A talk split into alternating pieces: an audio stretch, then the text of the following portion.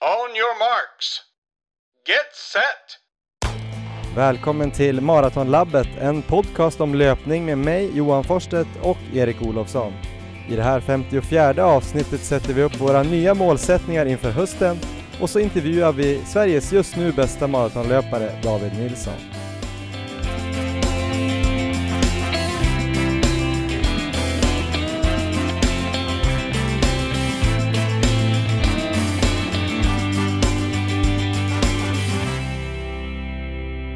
Hej Erik och välkommen till Maratonlabbet, eh, en podd om löpning. Hej Johan, tack så mycket. Du är ju en stor del av den här podden. Eh, Hur är läget med dig? Jo, men det är bra. Ehm, bara fint. Jag har efter en lugnare period, efter Stockholm Marathon, börjat trappa upp träningen igen, så det är ju jättekul. Ja, det förstår jag att du gillar. Plåga dig själv lite grann. Ja, precis. Har du kunnat kört hårt nu då? Det har väl gått, eh, är det tre veckor det har gått sedan Stockholm Marathon? Ja, det är väl två och en halv vecka nu när vi spelar in, så det var väl eh, 16 dagar efter maran igår och då körde jag mitt första riktigt hårda pass. Mm. Ehm, så det var klassisk dubbeltröskel. Ja, Det vart väl en 11-12 kilometer totalt tror jag. Så det kändes bra, det var kul. körde du dubbeltröskel, alltså 11-12 kilometer totalt på två pass? Ja, precis, så det var inte, det var inte så här eh, stenhårt som jag körde kanske i vintras. Men jag tänker att jag ska trappa upp det lite så. Mm. Men det blev väl, eh, det blev ett bra pass ändå och det kändes definitivt i benen. Så idag var jag ute och eh, sprang ett väldigt lugnt pass, ett pass som jag tror du kanske inte skulle kalla för löpning. Nej, just det. Men ehm, Du har ju börjat eh, satsa på någon sorts veteran-VM igång 2038. Ja, vi var ute och sprang här i förra veckan. Jag gissar att du syftar på det passet. Ja, fast det sprang ju inte. Ja, just det, just det. Men vi gick snabbt i kanske... Ja, jag trodde ju att vi låg lite under 5 tempo där, men jag såg ju sen på Strava att vi kanske låg ändå i 5.10, 5.15 på det passet. Ja, ja, men det är härligt att det är det som är hemligheten att springa 2.46 på maraton, att springa lite långsammare bara.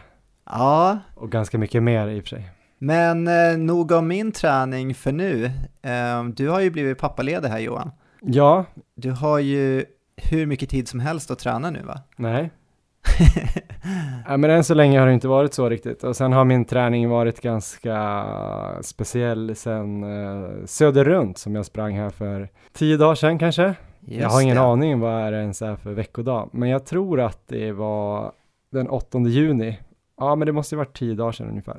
Eh, och sen dess har jag faktiskt inte riktigt gjort så mycket eh, ordentliga pass, utan jag har mest försökt hålla igång lite grann.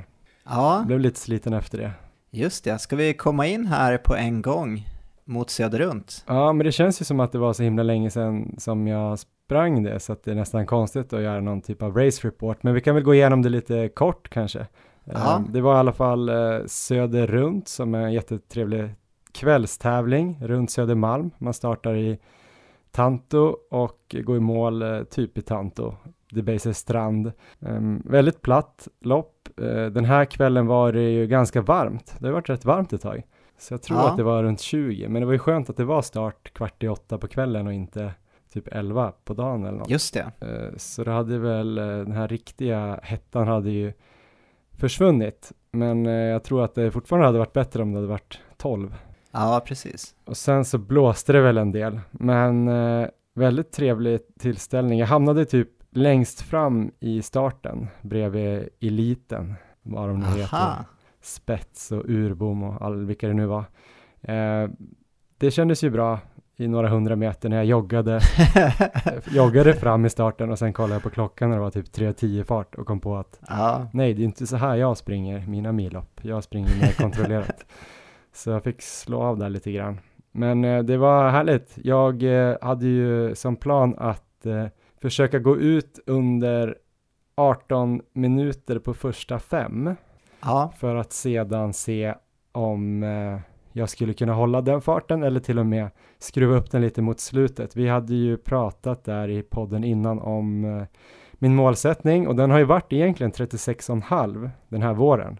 Ja, Men eftersom det kändes så bra på Kungsholmen runt på halvmaran där så tänkte jag att kanske gå under 36 vore rimligt. Och så började du prata om Marathon Labs rekordet på 35-38. Då Ja. tänkte jag om jag går ut i 18, då kan det gå lite åt vilket håll som helst. För jag trodde ändå att jag inte skulle totalknäcka mig av det. Utan då tänkte jag att ehm, håller jag bara samma fart, ja då blir det ju sub 36.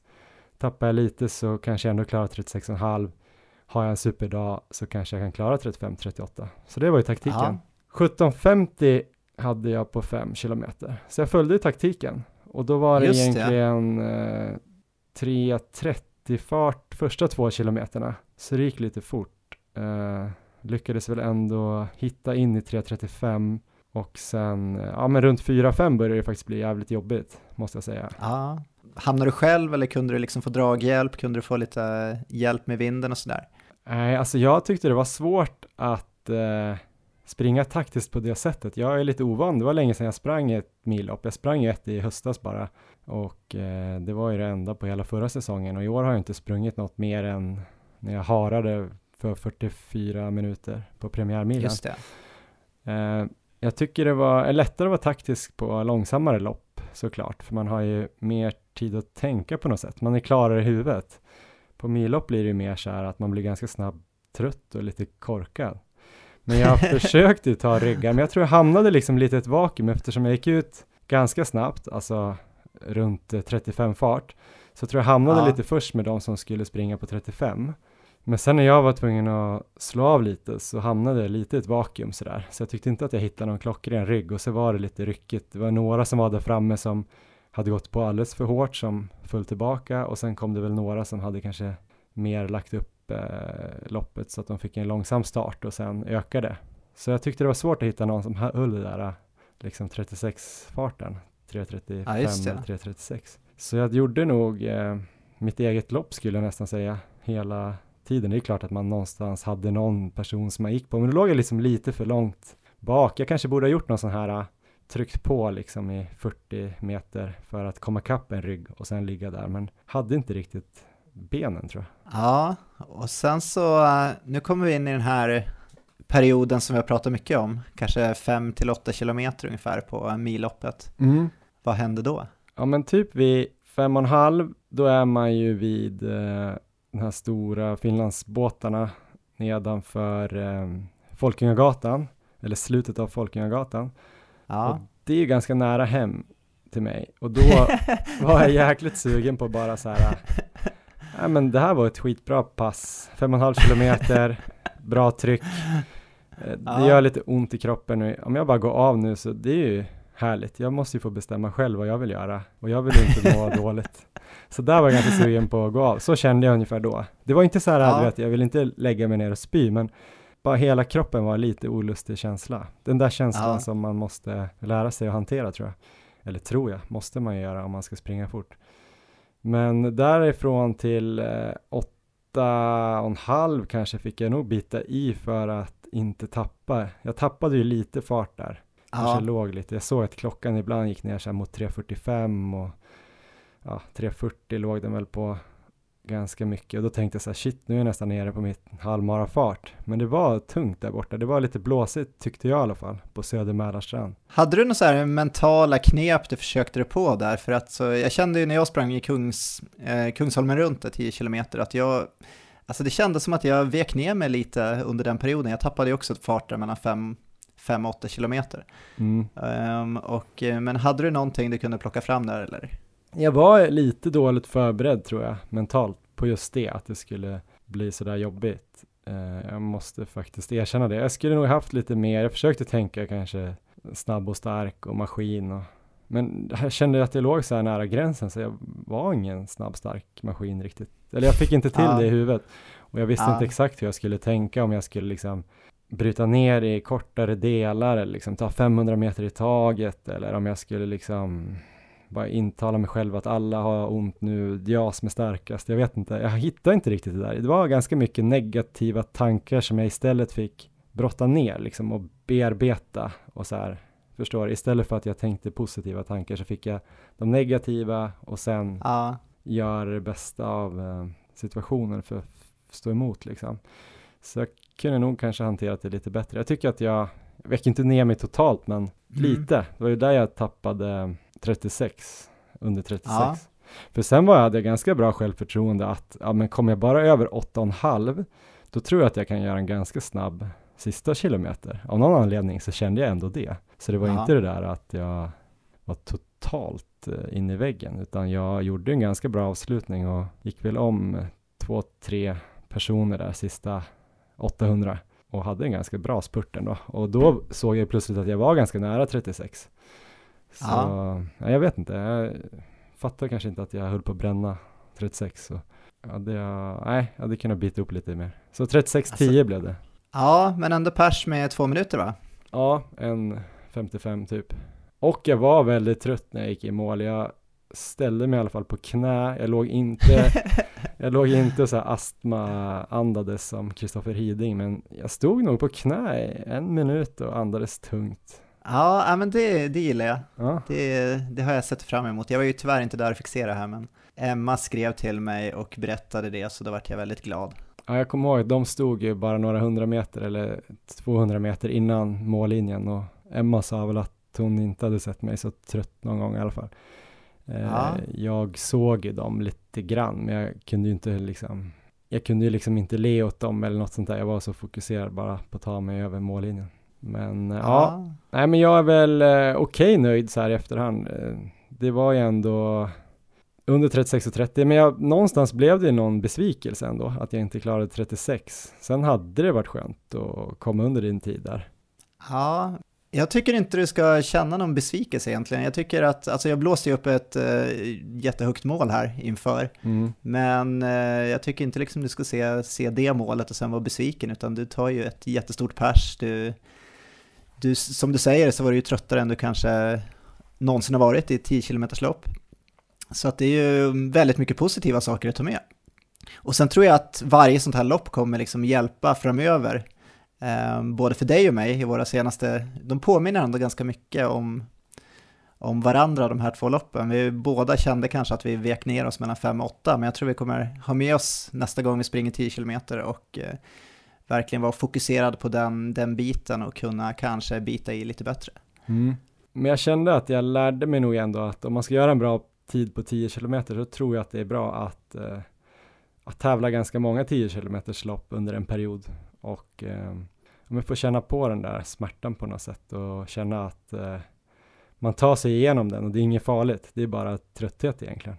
Plus att jag tror Ja. att det är bra att ha lite fler chanser för det är inte säkert att man har den perfekta dagen just den kvällen liksom. Jag kände kanske inte att jag hade en magisk kropp eh, på uppvärmningen och i början och sådär. Så jag tror att det finns lite mer att hämta. Ja, Nej, men grymt sprunget Johan och grattis till ditt nya pers. Tack så jättemycket Erik.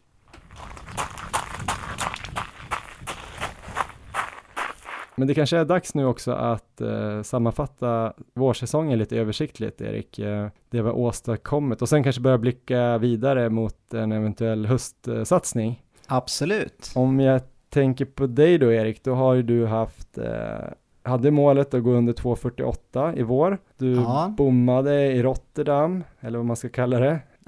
ja, gjorde 2.53, men det var ändå ett pers med tre minuter. En heroisk insats att en, ens ta det i mål efter att ha väggat innan 30 där. ja, PB på milen på Kungsholmen, 35-38. Börjar närma dig under 35. Ja. Och eh, sen då det här fantastiska loppet i Stockholm, 2.46.07. 6. fem. 2.46.05. Herregud, det var ju snabbt. Ja, men eh, hur skulle du själv eh, sammanfatta din, din vår? Är du nöjd? Jag är jättenöjd, eh, men det har varit väldigt upp och ner ska jag säga. Ehm, Jag tränade ju på väldigt bra i vintras, så Mm. jag är väldigt nöjd med den grundperioden så att säga som jag fick i januari-februari. Så då kom jag ju upp i mycket mer volym än jag någonsin har gjort förut och låg ganska stabilt på 12, 12 plus mil Mm. i månad, eller vecka efter vecka där.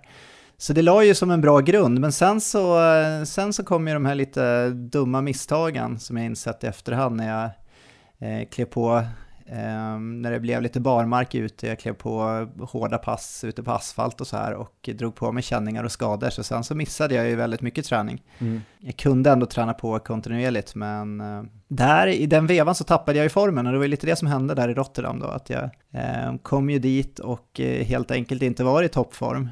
Och eh, det fick jag ju verkligen känna där. Men eh, väldigt bra erfarenhet att ha med sig. Mm. Men, eh, nej, men sen så, jag känner väl att de ändringarna jag har gjort sen efter det har ju slagit ut så väldigt väl att jag, det känns så här spännande nu inför framtiden hur jag ska lägga upp min träning. För jag börjar känna att nu, nu märker jag lite vad som har fungerat och vad som inte har fungerat. Mm. Men vad är det främsta du har lärt dig då? Du har pratat om det här med att du kört lite mer polariserat inför Stockholm och övergett Ja. lite mer de här marafartsintervallerna och Canova inspirerade träningen som vi gjorde inför Frankfurt. Ja, framförallt så har jag lärt mig att jag inte riktigt, eh, än så länge i alla fall, har hållit för marafarten och framförallt marafart på asfalt, utan då har jag fått känningar eh, så att jag inte har kunnat träna på alls som jag velat. Så jag känner att jag liksom har hittat kanske en metod där jag ändå kan ligga på den volymen jag vill ligga på. Mm. Ehm, Men jag får helt enkelt göra lite annorlunda och dra ner väldigt mycket på de här marafarten. Och sen så framförallt att undvika asfalt. Mm. Det tänker jag väldigt mycket på nu när jag är ute och springer. Ja, du sprang ju till och med i vägrenen här när vi skulle ut och springa Nackareservatet så var det lite cykelbana, då började du springa ute där hundarna kissat och bajsat och så. ja, precis så. Så det gör jag väldigt mycket nu, att jag, är, jag söker mig hela tiden bort från asfalten. Och jag tror att det kommer vara en nyckel för att jag ska kunna ligga på den volymen jag kommer vilja ligga på. Mm. Och eh, för dig då Johan, du har ju lyckats här med dina målsättningar. Ja, nej, men det har varit väldigt skönt att kunna göra det. Nu gör jag ju det ganska ofta, men jag vet inte om det är för att jag är bra på att träna eller om jag är dålig på att sätta mål. Eller dålig på att sätta höga mål. Jag kanske sätter exakt realistiska och hårda mål. Men jag vet inte. Men det har känts eh, väldigt bra. Jag har väl kunnat träna ganska bra hela våren.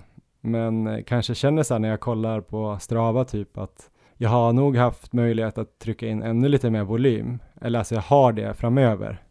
Ja, Jag kanske inte har kommit upp i så här 7-8 mil så himla många veckor ändå som jag hade tänkt, även om jag legat ganska stadigt många veckor på 6-7 mil i alla fall. Det blir ju lite nästan naturligt lite färre mil tycker jag, för jag har tränat ungefär lika många gånger, men eftersom långpassen har varit snarare upp mot 30 istället för upp mot nästan 40 eller 38 just det. och de här äh, kanske halvmarafartspassen har ju varit lite kortare än marafartspassen som vi gjorde i fjol. Så att det kanske Aha. har varit istället för 4 gånger 5 i marafart i fjol med en kilometers joggvila har det kanske blivit så här äh, 4 gånger 3 eller 2 gånger 6 i halvmarafart för det är ju så pass mycket hårdare. Just Så det. då har det ju försvunnit typ en, en och en halv mil i veckan där. Som jag inte har kunnat ta igen kanske på distans. Jag har inte hunnit det. Så jag ser väl att eh, jag har tränat kanske lite mindre volym än vad jag gjorde inför Frankfurt. Sen tror jag att jag har levt lite på den uthålligheten vi byggde upp då inför Frankfurt och sen har jag spetsat det med snabbhet först i början av, början av våren, eh, eller Ja, i början av vinter, eller i vintern kan man säga, så körde jag ganska mycket fart och sen så har jag lyckats bygga ihop det med mycket tröskel och halvmarafart och 10 kilometers fart. Så att jag tror jag är nöjd med min strategi, att jag ändå har började med att trycka upp farten och sen eh, fartuthålligheten mot loppen. ja, det har ju uppenbarligen fungerat bra. Är det någonting som du känner har fungerat sämre, något du kunde gjort annorlunda? Nej, jag tror inte det faktiskt. Inte sådär uh, konkret så här att ja, när jag ser på totalen så ser jag ju att ja, men här skulle jag kanske kunna sprungit mer. Men det har ju också varit typ uh, jobbrelaterade resor eller någonting med familjen eller du vet så att det inte går att Ja. träna så mycket som man kanske skulle önska på ett sätt. Men eh, kanske att jag i slutet här efter Kungsholmen runt så började jag springa lite med ett par lite tunnare skor och började springa lite hårdare intervaller för att jag skulle förbereda mig för 10 kilometer. Så Ja. jag gjorde mycket eh, 3.30, 3.35 fart, eh, 800 jag gjorde klassiska 900 och sådär. Och så var jag även och hälsade på min kusin i Barcelona. Då hade jag bara med mig ett par skor på grund av packningsskäl. Och då var det de här lite tunnare och då kände jag lite där att jag fick lite problem med hälsenorna. och kanske varit lite det. dålig på att jobba med fotledsrörligheten och massera vaderna och sådär. Så det kändes som att plötsligt så bara på, från att det har varit eh, ganska bra med hälsenorna hela våren till att bara på kanske så här en vecka, tio dagar ha ganska ont när jag vaknar på morgonen. Så det kanske jag ångrar lite. Att jag inte Ja. har tagit itu med de där grejerna som man borde fortsätta göra fast det känns ganska bra. Så där har jag väl Ja. fått en liten väckarklocka. Prehab. Prehab ja. Men eh, vad tror du, blir det någon fortsättning på löparsatsningen och podden till hösten eller? Ja, men det tror jag. Det känns som det va? Det känns ju som att vi tuffar på. Vi tar inget sommarlov, varken från löpningen eller podden. Eh, Nej. Vi har väl fått lite blodad tand, fortsatt blodad tand och eh, det är faktiskt en sak som också hänt i vår, att jag har börjat tappa lite respekten för tider. Alltså Ja. 36 som jag nu går runt och är lite missnöjd över, eller 36.10, hade jag ju för bara ett, eh, ja kanske ett år sedan hade jag nästan trott att jag inte skulle någonsin komma ner på. Eller 35 har jag känt som att nej det är ju helt kört, det är ju nästan elit. Nu känner jag så här, mm, under 35 måste man ju fixa snart. Ja. Eh, Eller i alla fall att det är möjligt. Så det är väl kul. Och då tänker jag lite grann, Erik, du har gjort en fantastisk tid här på 2.46. Jag vet att du tidigare i den här säsongen i podden Ja. och även utanför podden har pratat lite om 2.40 på maraton. Vad blir ditt eh, mål här för hösten? Ehm, ja, men precis. I, jag tror det var i första avsnittet här för säsongen så pratade jag lite om ett drömmål, att det kanske skulle kunna vara 2.40 Mm. i slutet av säsongen, lite beroende på hur det gick, om man fick vara skadefri och hur de här första marerna gick, där 2.48 var målet. Så eh, jag har ju här, när vi har funderat nu på målsättning, ehm, jag kommer ju fortsätta satsa på maraton, det kommer vara huvudmålet. Så det naturliga målet är väl egentligen nu efter att ha gjort 2.46, jag vet ju att det är stenhårt och tufft att sänka sig ännu mer nu, jag hade ett väldigt bra lopp i Stockholm, så naturliga målet vore väl att eh, då sätta 2.40. Men eh, det kommer jag inte göra. Jag kommer sätta det ännu lite högre. Så jag ska försöka gå under 2.39. Ja, finns det några speciella skäl varför du ska gå under 2.39 och inte under 2.40?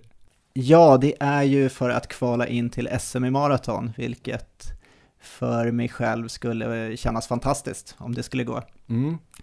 Ehm, och egentligen så är väl tanken att jag ska försöka göra det innan Stockholm Marathon nästa år. Så skulle det inte gå här i höst så kommer det en ny chans i vår, men det är väl lika bra att försöka göra det på första försöket. Har du ställt in dig på något eh, lopp då? Som du tänker sätta den här tiden på i första hand, om du går? Ja, jag kommer springa i Valencia den 1 december. Mm. Så jag har gott om tid att träna bra inför det målet. Men vad tänker du då om du skulle bryta ner det där målet eh, i mindre bitar? Så här, vart ska du hitta de här sju minuterna från Stockholm tänker du? Ehm, till att börja med så tror jag att jag har väl någon minut till att eh, ta ut om jag inte får krampkänning i slutet av loppet. Sen så Valencia ska väl vara lite snabbare än Stockholm också. Så eh, där kanske vi har några minuter och sen så är ju planen att fortsätta träna riktigt bra under de här 23 veckorna fram till Valencia. Att komma upp i ännu högre volym än vad jag legat på och kunna träna på kontinuerligt fram till dess. Och jag hoppas att alla de bitarna då ska göra att jag har chans att fixa det. Det är klart du kommer göra det. Eh, Tror du på det här målet Johan? Ja, men jag tror ändå att det kan vara realistiskt. Jag trodde ju ett tag att det var mer en dröm än en, ett realistiskt mål när vi pratade om 2.40 på någon middag där i vintras. Ja, så var det så här, ja men kul med höga mål men eh, det kanske tar dig till 2.44 liksom men, men det, 2, 2.40 låter ju orimligt typ. Ja. Men sen så nu känner jag ju verkligen inte att det är orimligt för dig. Som sagt, du har ju tid att träna. Så om du sköter det bra liksom med alla, alla parametrar fram till första december så det låter plötsligt som att Erik Olofsson kan vara en SM-löpare 2020. Och det låter ju rätt mäktigt. ja det, vore, det, vore, det skulle kännas stort för mig. Um, och uh, vi la ju även upp en bild där på Instagram där vi frågade lite efter tips på lopp, målsättningar och uh, lite annat. Mm. Och det var ju många som skrev där för mig då sub 240 eller 239, så det känns ju det känns ju bra att folk tror på mig ändå, att det ska vara möjligt. Ja, och eh, 2.39, jag tror det var ganska tydligt när du sa det, men det är alltså den officiella gränsen för att få starta SM-klassen på Stockholm Marathon. Så Precis. det blir ju mäktigt. Jag tror det är 2.39 eller 1.12 på halvmara. Kan man Aha, också ja. kvala in på typ, men det, det kanske låter ännu hårdare. Ja, det Eh. låter svårt. Ja, nej, men häftigt. Eh, vi kommer ju springa en massa andra lopp också tänker jag, eller du kommer springa en massa andra lopp. Eh, är det några lopp som du redan nu vill ta ut som några favoriter eller ska vi gå in på vad jag ska göra? Jag tycker vi går in på vad du ska göra. Det här tycker jag ska bli väldigt spännande. ja, men det är ju för att eh, jag vet ju och alla vet väl vad jag ska springa för lopp som kommer bli mitt huvudmål och det ja, har jag ju varit tydlig med tidigare och det är ju Lidingöloppet eh, 28 september. Det är alltså ett lopp på Lidingö utanför Stockholm. 30 kilometer ingår i klassikern. Relativt backigt om man jämför med, med vanliga distanslopp. Inte så backigt om man jämför med fjällmara. Mitt personliga rekord där är ju faktiskt inte bättre än 2.18, 24 kanske, eller något sånt där. ja, Slaget 2015, då jag också sprang min första mara på våren. Då sprang jag 3.13 på maran just det. eh, och hade ganska mycket kramp, eh, både på Stockholm Marathon och även på Lidingöloppet. I år så vill jag göra en bättre tid än 2.18. Ja, Det tror jag att jag har kapacitet att göra. Sen har det varit lite det här med målsättning. Och jag antar att Ja. det är det du tycker är intressant att prata om.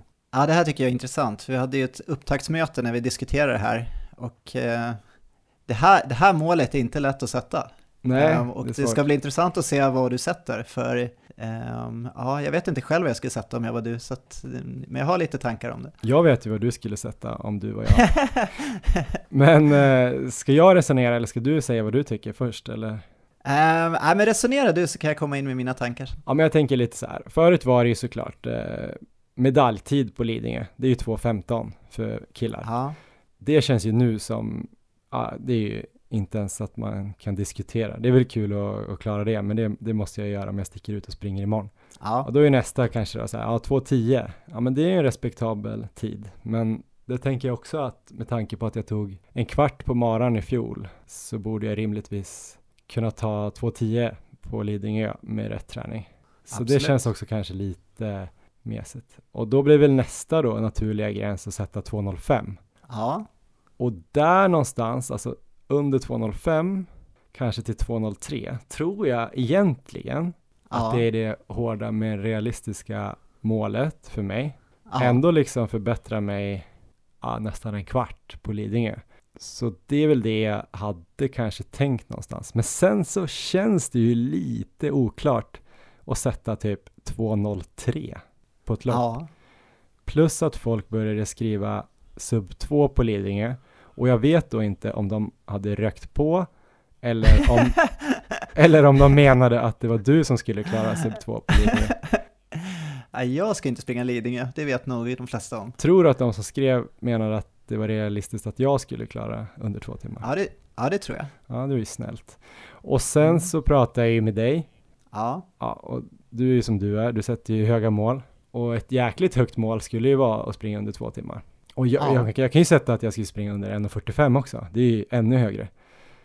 Men då är frågan, vad är realistiskt? Det är trist tycker jag på något sätt att kämpa mot något som jag inte kan slå. ja. Och det här jag inte vet riktigt. Och det är det som är det intressanta resonemanget. Hur resonerar du kring vad du skulle sätta om du var jag? Um, alltså jag tycker, jag tycker det här är jättesvårt. Jag, ehm, jag skulle, skulle jag gissa idag så tror jag att du ligger någonstans där runt kanske 2.02, 2.03. Så att jag tror att alltså 2.05 kanske är eh, rimliga, det är ju det målet du normalt skulle sätta tror jag. Eh, Du sätter ju, jag ska inte säga att du inte sätter hårda mål, för du har hårda mål, men det är, det är oftast känner jag att du, man tror, jag har ändå trott att du liksom ska klara dina mål. Och skulle du sätta 2.05 så skulle jag känna det. Två timmar är ett stenhårt mål. Ehm, skulle jag vara du skulle jag nog sätta två timmar, men jag, sätter ju ofta mål som jag kanske inte riktigt vet om jag ska klara eller inte. Och jag är ganska, när det kommer till målsättningar så är jag ändå ganska okej okay med att missa målsättningen. Jag tar inte så hårt egentligen och blir inte, jag kanske blir besviken just när jag går i mål, men sen så försöker jag liksom bara se vad var det som hände, vad kan jag göra bättre och så vidare. Men eh, jag tror folk är väldigt annorlunda när det kommer till målsättningar. En del tar det nog väldigt hårt att missa, missa sina målsättningar. Så man ska nog tänka på det också, för att det är ju tråkigt om du kommer in och säger att du springer på 2.02 och så blir du jättebesviken. Mm. Eh, det spelar egentligen ingen roll om du har två timmar eller 2.05 och springer på 2.02. Du borde ju vara i slutändan vara lika nöjd med tiden. Men det kan ju kanske göra stor skillnad med vad du siktar på då.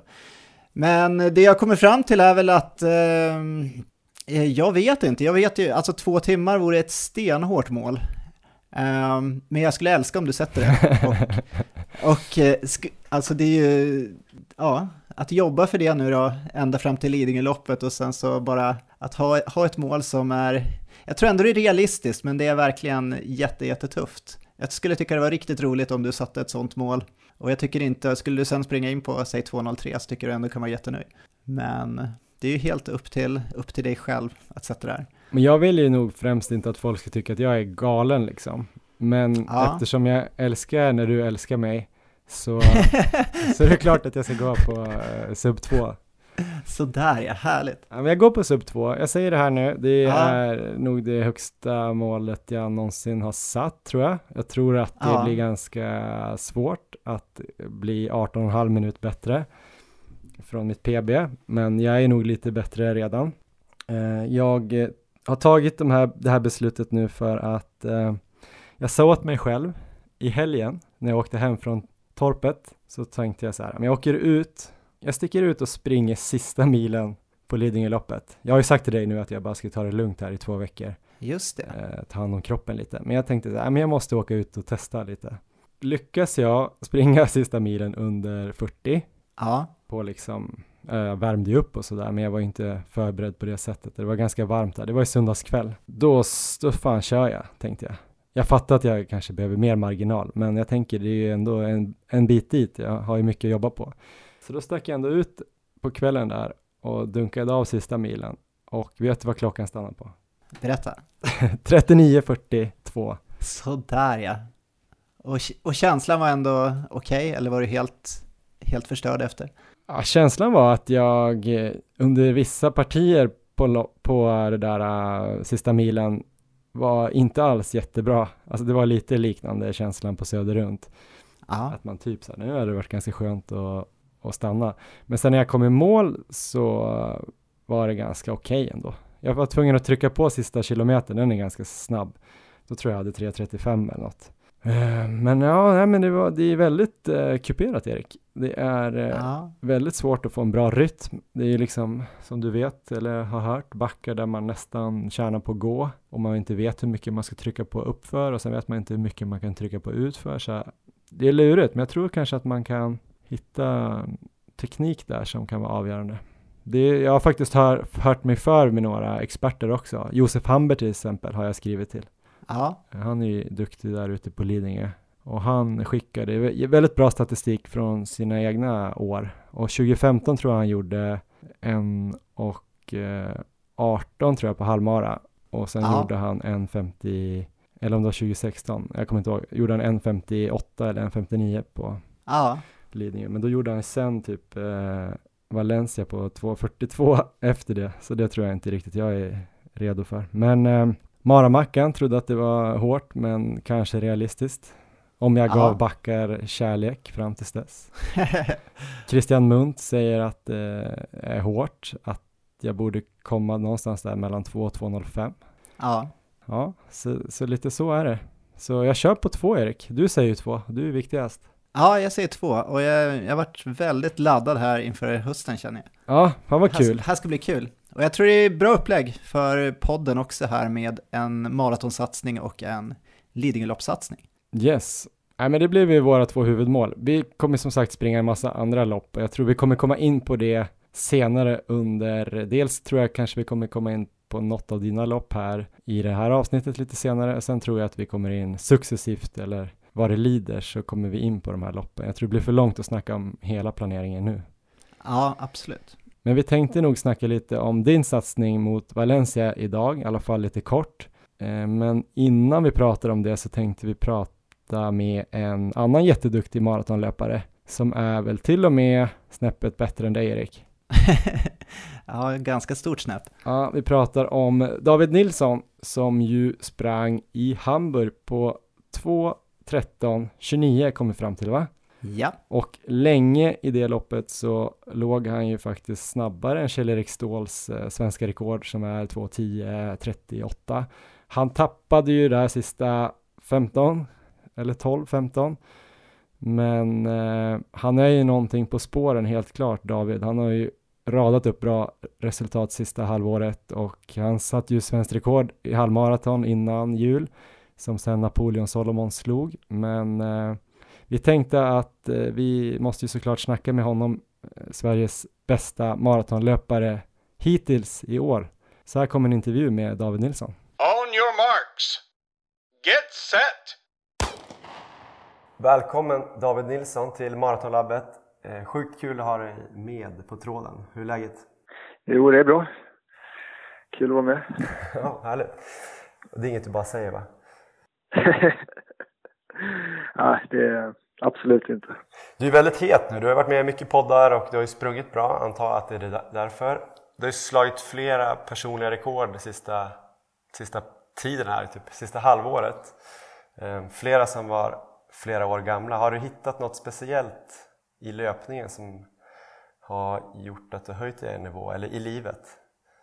Uh, nej, inte egentligen. Jag försöker bara mer uh, vara nöjd med livet och uh, ja, se löpningen som någonting jag verkligen vill göra. Och, ja, det har känts kul också så då, då blir det ju mer av att det tillför någonting än att det liksom ja, snarare blir en belastning att ha det i livet. Men jag tycker liksom att ja, dels har jag trivts lite bättre generellt, haft lite mer glädje i allt jag gjort och, och att löpningen liksom snarare har ja, gett lite extra glädje. Mm. Men har du hittat någonting i löpningen då, någon nyckel eller sådär som gör att du vid 31 års ålder börjar krossa dina rekord?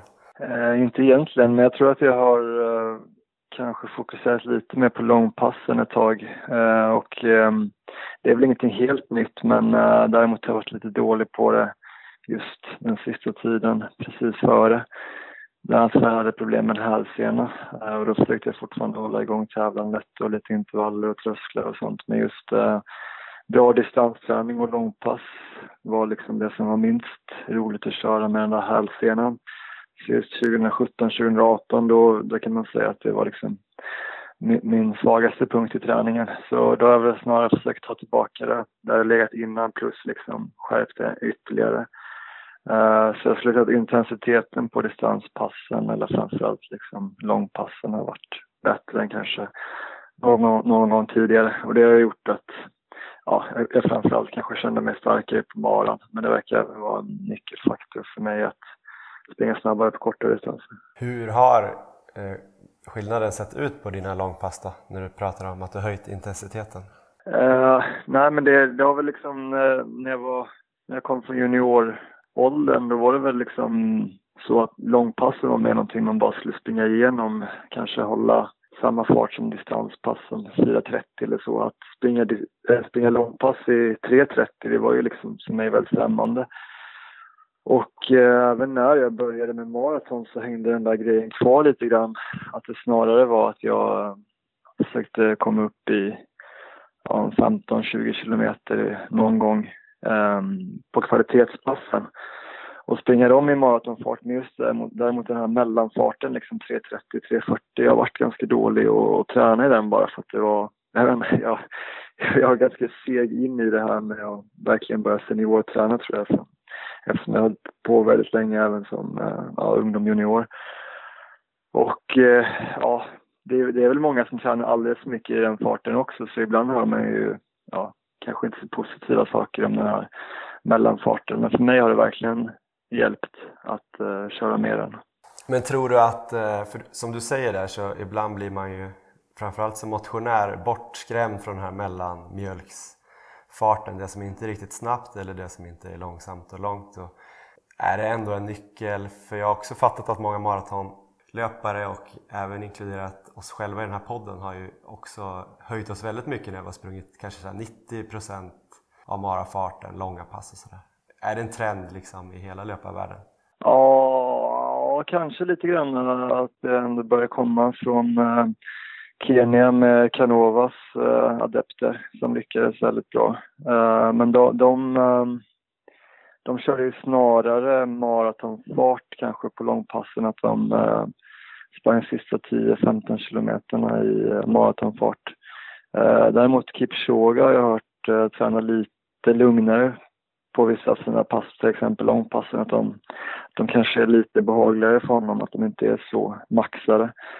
Uh, och jag skulle säga att, ja, jag vet, jag vet, inte riktigt vad det blir, 90 procent av ens tävlingsfart, men jag brukar ungefär ligga en halv minut ifrån eh, min maratonfart eh, när jag tycker att det går fortare. Så det är fortfarande liksom en, ett bra avstånd, eller en ja, bra fartskillnad liksom. Mm. Kan vi kolla lite, eller jag tänkte fråga lite grann hur du tränade inför Hamburg. Du slog ju svenskt rekord på halvmaraton som Napoleon sedan slog. Men eh, efter det, sen så var ju väl fokus mot Hamburg i slutet av april. Eh, då sa du i den här podden Prestera Mera som jag lyssnade på att du körde ganska bra specifik träning. Hur såg det ut ungefär inför Hamburg? Hade du delat upp den perioden på något sätt eller körde du bara enligt vecka för vecka?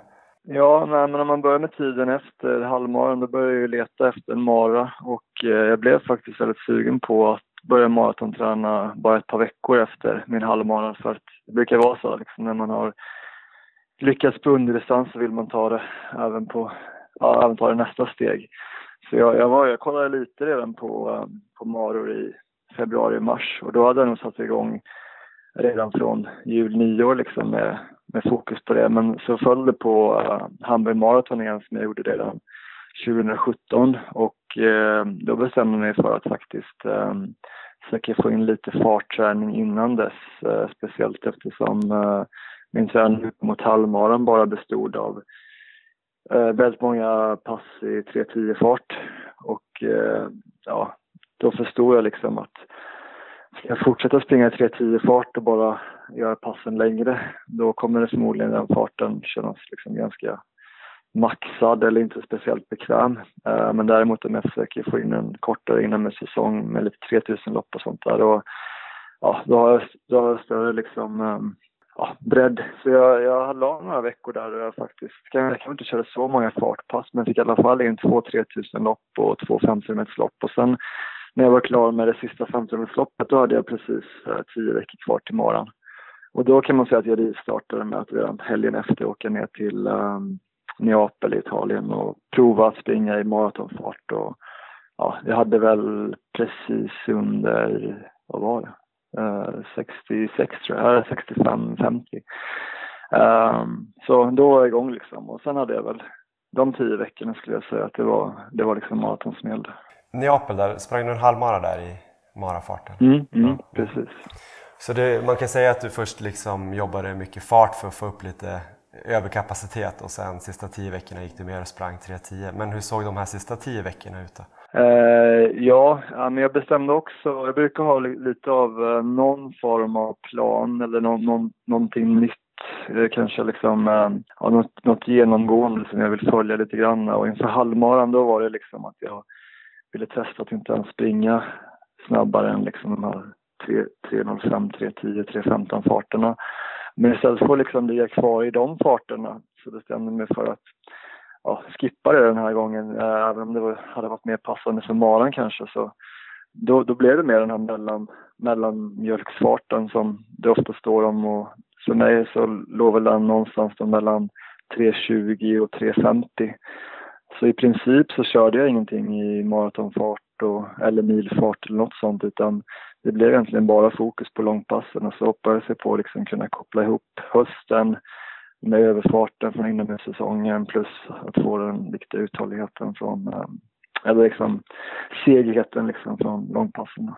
Just det, så att de två olika kapaciteterna skulle typ på något sätt mötas 28 mm, april? Mm, exakt. Nej, men jag tror vissa kollar lite väl mycket på vad de har gjort sista månaden och sånt och jag tror faktiskt att kroppen liksom kan ja, ha inmatad träning från längre tid tillbaka än så. Så det, det var det jag ville testa i alla fall. Gjorde du någonting sånt där, jag vet inte om det är klassiskt, men många kör ju 5 gånger 5 kilometer eller 4 gånger 5 i marafart eller du skippade det helt och körde lite långsammare? Ja, det gjorde jag faktiskt. Eller jo, jag hade ett pass där jag sprang 7 gånger 3 kilometer med en kilometer distansvila. Så det var det enda passet då, som jag skulle säga, hamnade i maratonfart. Hade du det som något i bakhuvudet, som något så här ah, testpass eller nyckelpass eller självförtroendebyggarpass? Ja, lite faktiskt. För det var det enda passet också som jag körde i, um, det enda längre passet jag körde i de skorna jag skulle använda till maran. Så det var lite så att testa hur vaderna skulle reagera också.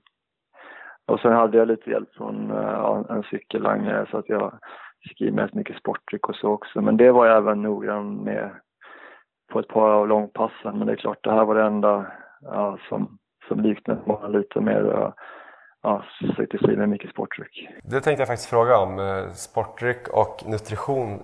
Hur mycket tänker du kring det och, och hur mycket fick du i dig i Hamburg? Eh, ja, man får ju aldrig riktigt så mycket som man planerar tycker jag. Eh, men, men vätskan gick väldigt bra fram till 25. Då skulle jag säga att jag nästan fick i med det som jag hade planerat. Och det kanske var en en och en halv deciliter per fem kilometer. Uh, eh, men sen, uh, ja, vi, uh, jag, jag sprang med en löpare som av någon anledning ryckte lite grann vid varje vätskestation. Det var nog inte för att han skulle rycka ifrån mig utan jag tror att det var att han han ville inte sakta ner och för att motverka det så, så hade han i sig att han skulle ja, speeda upp istället. Så det var väldigt jobbigt liksom. Så jag bestämde att ska jag fortsätta springa med honom så måste jag chansa att det liksom skippa vätskan vid 30. För det var inte så liksom att um, även, även, om jag hade skippat äh, flaskan helt så innebar det fortfarande en tempoväxling. Så det var verkligen inte bara mentalt utan han, han sprang 100 meter fortare efter varje vätska. Så ibland, ibland fick jag springa 400 meter med flaskan i handen bara för att liksom, ja, komma tillbaka i någorlunda rätt puls för att kunna dricka. Så upp mot en kilometer kunde jag ha flaskan både vid 15 och 20 kilometer och 25. Så jag bestämde mig vid 30 för att skippa den för jag kände mig hyfsat bra. Men det hjälpte inte. jag fick släppa ändå. Eh, och sen vid 35 så var jag så stelfrusen så då kunde jag inte fiska upp flaskan. Eh, och 40 var lite sent att dricka. Jag tror att jag kanske fick en liten slurk bara. Så att uh, vätskan gick bra bortsett från att jag inte drack något efter 25 och det hade jag kanske behövt. Mm. Kände du att det påverkade på något sätt? Det är svårt att veta vad som är vad såklart, slutet av en mara. Men... Ja, men jag tror, jag tror speciellt vid 35 hade jag behövt lite igen. Så att, um, men det är, sen kanske det inte påverkar det mer än 15 sekunder eller något där, men det kan ha gjort lite. Men har du koll på liksom hur mycket, många gram kolhydrater som du blandar i den där vätskan eller är det någonting?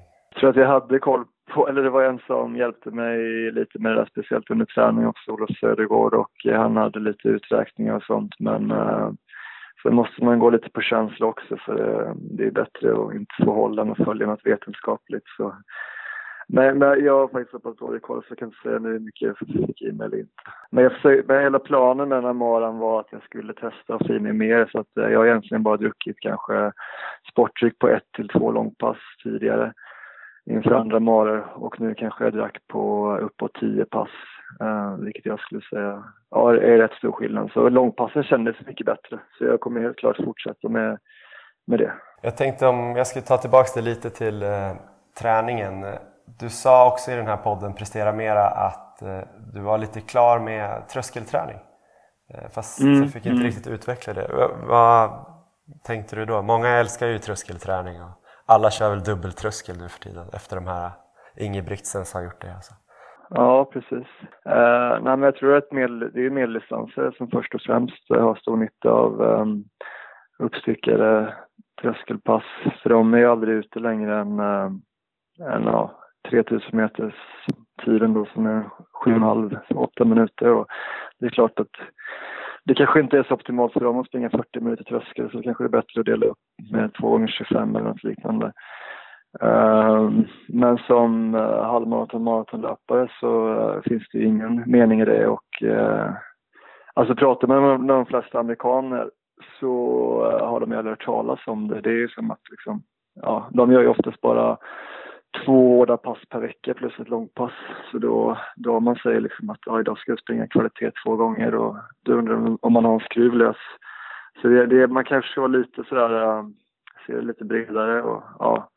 Uh, just nu i Sverige kanske man snarare är konstig om man inte vill springa dubbeltröskel som elitlöpare. Och, och så. Men det, det, är fortfarande ett ganska nytt koncept som inte så många följer. Och så jag, jag ser inte någon jättestor vits med det.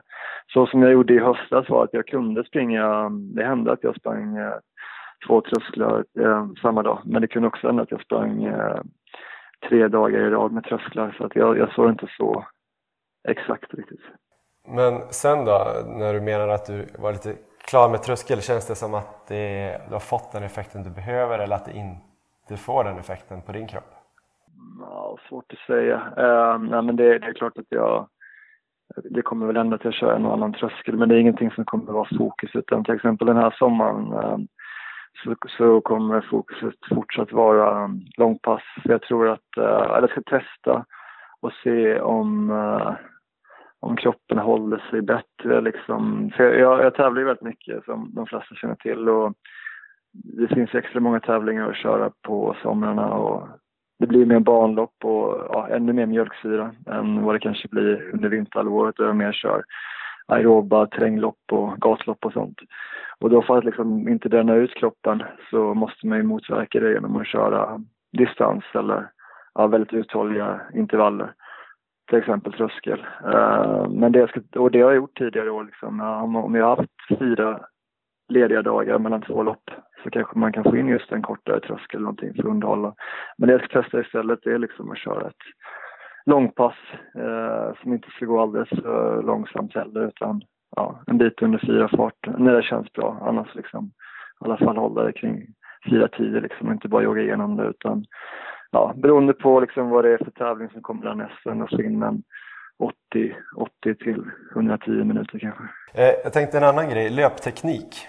Det är ett ämne som ibland är en vattendelare. Vissa som tycker det är väldigt viktigt och andra kanske tycker att man bara ska springa mer.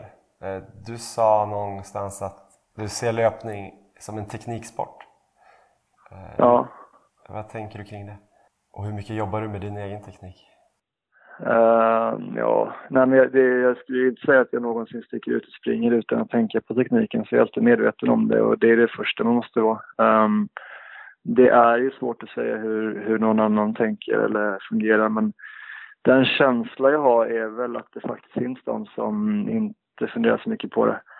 Men, men alltså det måste ju vara ett extremt bra samtal som jag har gjort i om jag inte ska tänka på precis varje nedslag eller något sånt där. Så att, um, jag tänker på det konstant hur jag springer och den medvetenheten tror jag är den största teknikförändrande faktorn man kan ha. Uh, sen är det klart att är det saker som inte känns bra under löpningen så, är det ofta så svårt att ändra det bara genom att tänka rätt utan då måste man ju lägga sig på golvet eller Alltså det, man måste ju ändå lägga tid bortsett från att bara springa. Och sen om man gör det före eller efter passet det är väl lite upp till var och en. Men, men så som jag lägger upp min, min dag det är att jag hellre lägger en kvart eller vad det kan vara före löpningen och jobba med detaljer då för att jag verkligen ska känna om det hjälpte eller inte äh, än att lägga den tiden efter passet. För då, då kanske det dröjer ja, antingen sju timmar eller liksom 17 timmar till nästa pass och då, då vet jag liksom inte riktigt hjälper det här eller inte. Och jag vill gärna så jobba ganska konkret liksom. Om jag, om jag, lägger, om jag gör, gör en övning så vill jag veta så här, eh, siktar jag känner mig bättre på löprundan eller inte. Om den inte gjorde det då, då tror jag liksom inte riktigt att det hjälper. Jag, ja, jag är väldigt så, vad heter det, pragmatisk eller så. Att man, man vill testa sig fram liksom. Mm. Men har du något exempel på något som har hjälpt dig på sistone? Typ något som har tagit ett extra, eller gett dig ett lyft? Jag skulle säga att jag experimenterar inte så mycket utan det har blivit lite att jag har hållit mig till samma övningar sista halvåret men det är för att jag tycker att de fungerar väldigt mycket, eller väldigt bra. Um, um, så jag skulle inte säga att det är något, alltså det, jag har ju, jag har ju gått framåt väldigt mycket um, jag har sett till kanske fem år tillbaka så att uh, det har ju skett rätt så stora förändringar men sen har jag ju legat på en, ja, tycker jag själv hyfsad nivå sista två, tre åren och då blir det ju inte, sådär. det finns inte så mycket man kan verkligen förändra eh, eller förbättra. Eh, jag har, jag har inte så stor, det är om man har problem med kroppen liksom någonstans, då, då, då kan det ju bli många sekunder om man verkligen fixar till det om, man, om det är någonting som gränsar till en skada. Men jag tycker min kropp funkar rätt så bra nu och då är det, ja, det är lite mer finlir. Jag träffade John Kingstedt här vid något tillfälle. Han har ju tränat lite grann med dig i, i vår, höst, vinter vet jag. Men han sa någonting om att du sprang, alltså det såg väldigt lätt ut, du sprang väldigt tekniskt bra. Att du hade fått till liksom höften på något sätt. Stämmer det? Ja. Hur har du jobbat med det? Han kunde ju ändå se det att, att det var någonting som lirade bra. Jo, det var en annan också som, som heter Johan Rydén som uh, har tränat mycket med Fortsix som sprang mycket med mig när jag var yngre. Och han har lagt av, men så såg mig springa 10 000 inomhus uh, för tre år sedan och han sa också så att ja, det är första gången jag ser dig springa liksom som det blev bra. Och han tyckte också det var stor skillnad, så det, det stämmer nog. Men jag tror att det är jag tror att höften hamnar rätt om man jobbar rätt med sätet. Så att eh, de övningarna jag gör handlar i så fall om att aktivera sätet bättre. Eh, för min högra ryggsida har varit lite för stel och det har gjort liksom att det har slagit ut höger säte lite grann. Um, att det inte är så smidigt att liksom lyfta benet bakåt i frånskjutet eller efter frånskjutet. Äh, frånskjutet. Så att um, det, det, är väl i så fall det då, att jag försöker jobba på att aktivera höger säte lite bättre. Och sen har vänster säte varit lite inaktivt så därför har höger också blivit överarbetat. Så det, det är väl i så fall sätesmusklerna som jag har jobbat med. När du är ute och springer och du säger att du liksom känner av varje steg, alltså det är lite likt eh, längdskidåkaren Johan Olsson, nu kanske skidor är ännu mer teknik, vad vet jag, men han har ju mycket så att han kan vara ute i två timmar och tänker på varenda skär, att varenda skär ska vara helt perfekt. För då vet han att får han till det på ett lopp så kan han vinna VM, liksom, eller kunde vinna VM. Ja, ja. Är det något sånt du också tänker eh, och vad tänker du på då? Jag tror att det är lite, lite olika för att, eh, att ja, först och främst gillar jag att träna väldigt mycket själv. Och jag föredrar ju faktiskt sällskap. Uh, så det är, det är, lite lättare att, att vara medveten om varje skär om man tränar själv. Och sen tror jag att var ett uh, längdskär är lite längre än ett löpsteg så att man hin, gärna hinner få in mer uh, inputs. Och sen körde han ju också väldigt mycket på rullband uh, inomhus och då blir det ännu mindre att fokusera på tyngd utan då är det verkligen bara den inombordskänslan.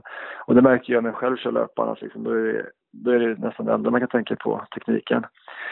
Och sen jag skulle komma till är att en löpare springer faktiskt väldigt mycket i skogen och, och um, över um, ja, stock, stock och sten så att säga. Och då kanske inte heller det här monoton, den här monotona rörelsen som man liksom kan analysera sönder, att man är lite mer i, i slow kanske, uh, att man måste parera och sådär. Att man är mer ett med, ett med naturen. Så jag skulle säga liksom att jag tror inte att jag har tagit så långt som han har gjort, men jag tror också att det kan bero lite på att det ändå handlar om två olika idrotter. Om man blickar framåt här nu till sist eh, lite grann. Eh, vad ser du, vad har du för stora mål här i sommar och höst? Um, jag vill springa lite snabbare på 5000. Jag sprang uh, på pers nu eh, 13.49 men jag skulle vilja komma ner en 5-10 sekunder till. Och uh, ja, det är väl inte så att jag måste göra det men uh, jag skulle känna mig ännu mer eh, motiverad att börja träna för en ny mara om jag verkligen eh, fick på det och kände liksom att jag hade varit i min livsform på 5000 innan jag började köra längre träning mot maraton igen. Uh, så det är planen. Att fortsätta fokusera på 5000 ett par månader till. Och sen uh, hitta, en, hitta en mara som passar in i höst. Mm. Det snackas ju mycket om Berlin och att du eventuellt ska kunna Hotar det svenska rekordet. Ehm, du har ju fått frågan förut och jag vet att du har några andra du vill slå innan du tar Kjell Eriks rekord. Men hur mycket tänker du på det och hur mycket press känner du utifrån att det plötsligt är du som ska ta det här rekordet? Eller plötsligt, men att det är du som ska ta. Förut var det Ekvall ett tag, nu är det du och sen blir det väl Nappe. Och så. Mm. Um, jag vet inte om jag känner så mycket press, men om jag känner den så är det nog bra för mig. Så jag tror jag behöver skärpa till mig lite. Så, uh, det är, det är möjligt att jag kan slå det. Jag vet faktiskt inte riktigt. Nu, just nu har jag haft ganska bra självförtroende ett tag men det kommer väl försvinna också så det kan bli att jag faller tillbaka lite och kommer längre ifrån det igen innan jag kommer närmare på nytt så jag vet inte riktigt men jag, ska, jag kanske slår det med ett halvår eller så kanske jag aldrig slår det. Det är svårt att säga faktiskt. Ja, men grymt. Eh, stort tack David för att du ville vara med i Maratonlabbet. Ja, tack ska du ha. Lycka till framöver. Tack. Och jag lyckades inte fråga en enda grej om öl också. Nej, det var bra faktiskt. Det var skönt.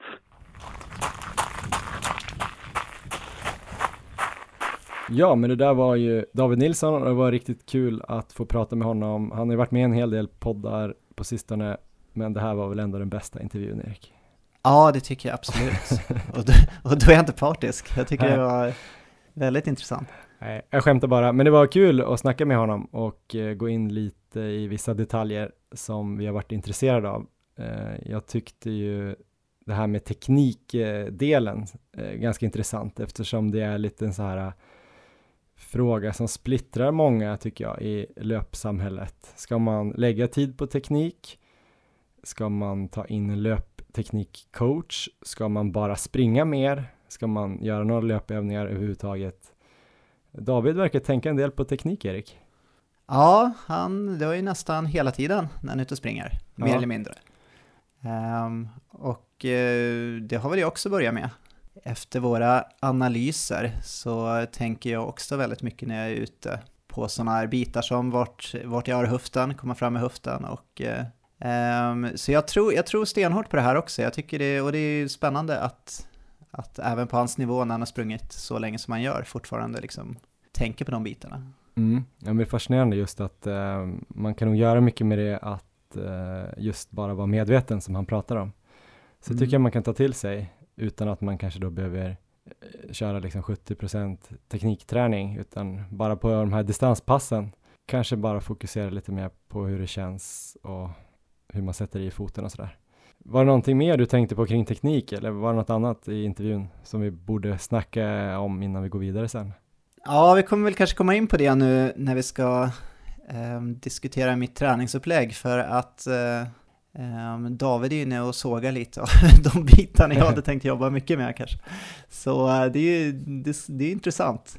Ehm, men det här med dubbeltröskel tycker jag ju, det har jag börjat väldigt mycket med och eh, känt att det har utvecklat och gett mig mycket. Så det är ju intressant att höra hans tankar om det.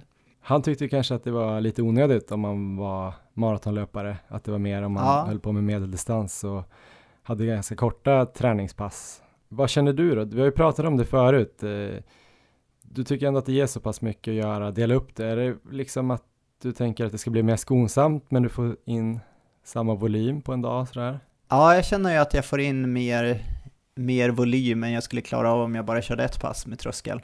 Och då känner jag att jag kan få in det på en dag och sen så får jag tillräckligt med återhämtning däremellan. Jag tror inte jag riktigt skulle klara att träna eh, som David gör. Han pratar ju om att han ibland kör till exempel tröskel tre dagar i rad. Just det. Och skulle jag göra något sånt så tror jag att jag skulle gå sönder. Så att för mig, jag tror ändå det här upplägget passar mig ganska bra. För då kan jag få in ganska mycket träning, tröskelträning och sen ändå få återhämtning efter. Ja, det gäller väl att hitta det som passar en själv. Sen är det ju väldigt svårt att veta vad som passar en själv när man inte har sprungit så länge, för man kan ju inte jämföra med en klon av sig själv hela tiden. Men om du har hittat något som du tror funkar så bör du väl köra vidare på det. Ja, precis. Um, äh, men sen så det här med marafartsträning är också intressant. Han kom in på lite samma tankar som vi har pratat med Christian Munt om och Maramackan också, med det här att jobba mer mot marafarten. Mm. Så det är ju också, eh, det är någonting jag skulle vilja ha med, kanske mer än vad jag kommer ha med framöver. Just, eh, ja, just eftersom att jag inte riktigt har hållit för det. Eh, så att, ja, det är mycket att tänka på nu känner jag inför inför Valencia. Men hur tänker du nu då när du ska lägga upp eh, träningen inför Valencia? Första december kommer du dela upp den i lite olika perioder som David när han kom från halvmara träningen där och sen ville han ju skapa lite höjd mot sin marafart. Att han gick in och körde ganska hårt med lite 5000 meters lopp och 3000 meters lopp och lite hårdare snabb fartpass för att liksom känna sig bekväm med sin nya hårdare marafart. Kommer du göra något sånt? Det är väl, eh, är det någonstans 3.47 fart per kilometer som 2.39 ligger på? Eller ännu snabbare? Ja, ja men det är väl där på ett ungefär. Kommer du känna nu att du vill i början här eh, gå in och köra lite, eller inte gå in, men köra lite snabbare för att få upp din kapacitet i fart eller vill du bygga mer bara på uthålligheten och öka den och sådär?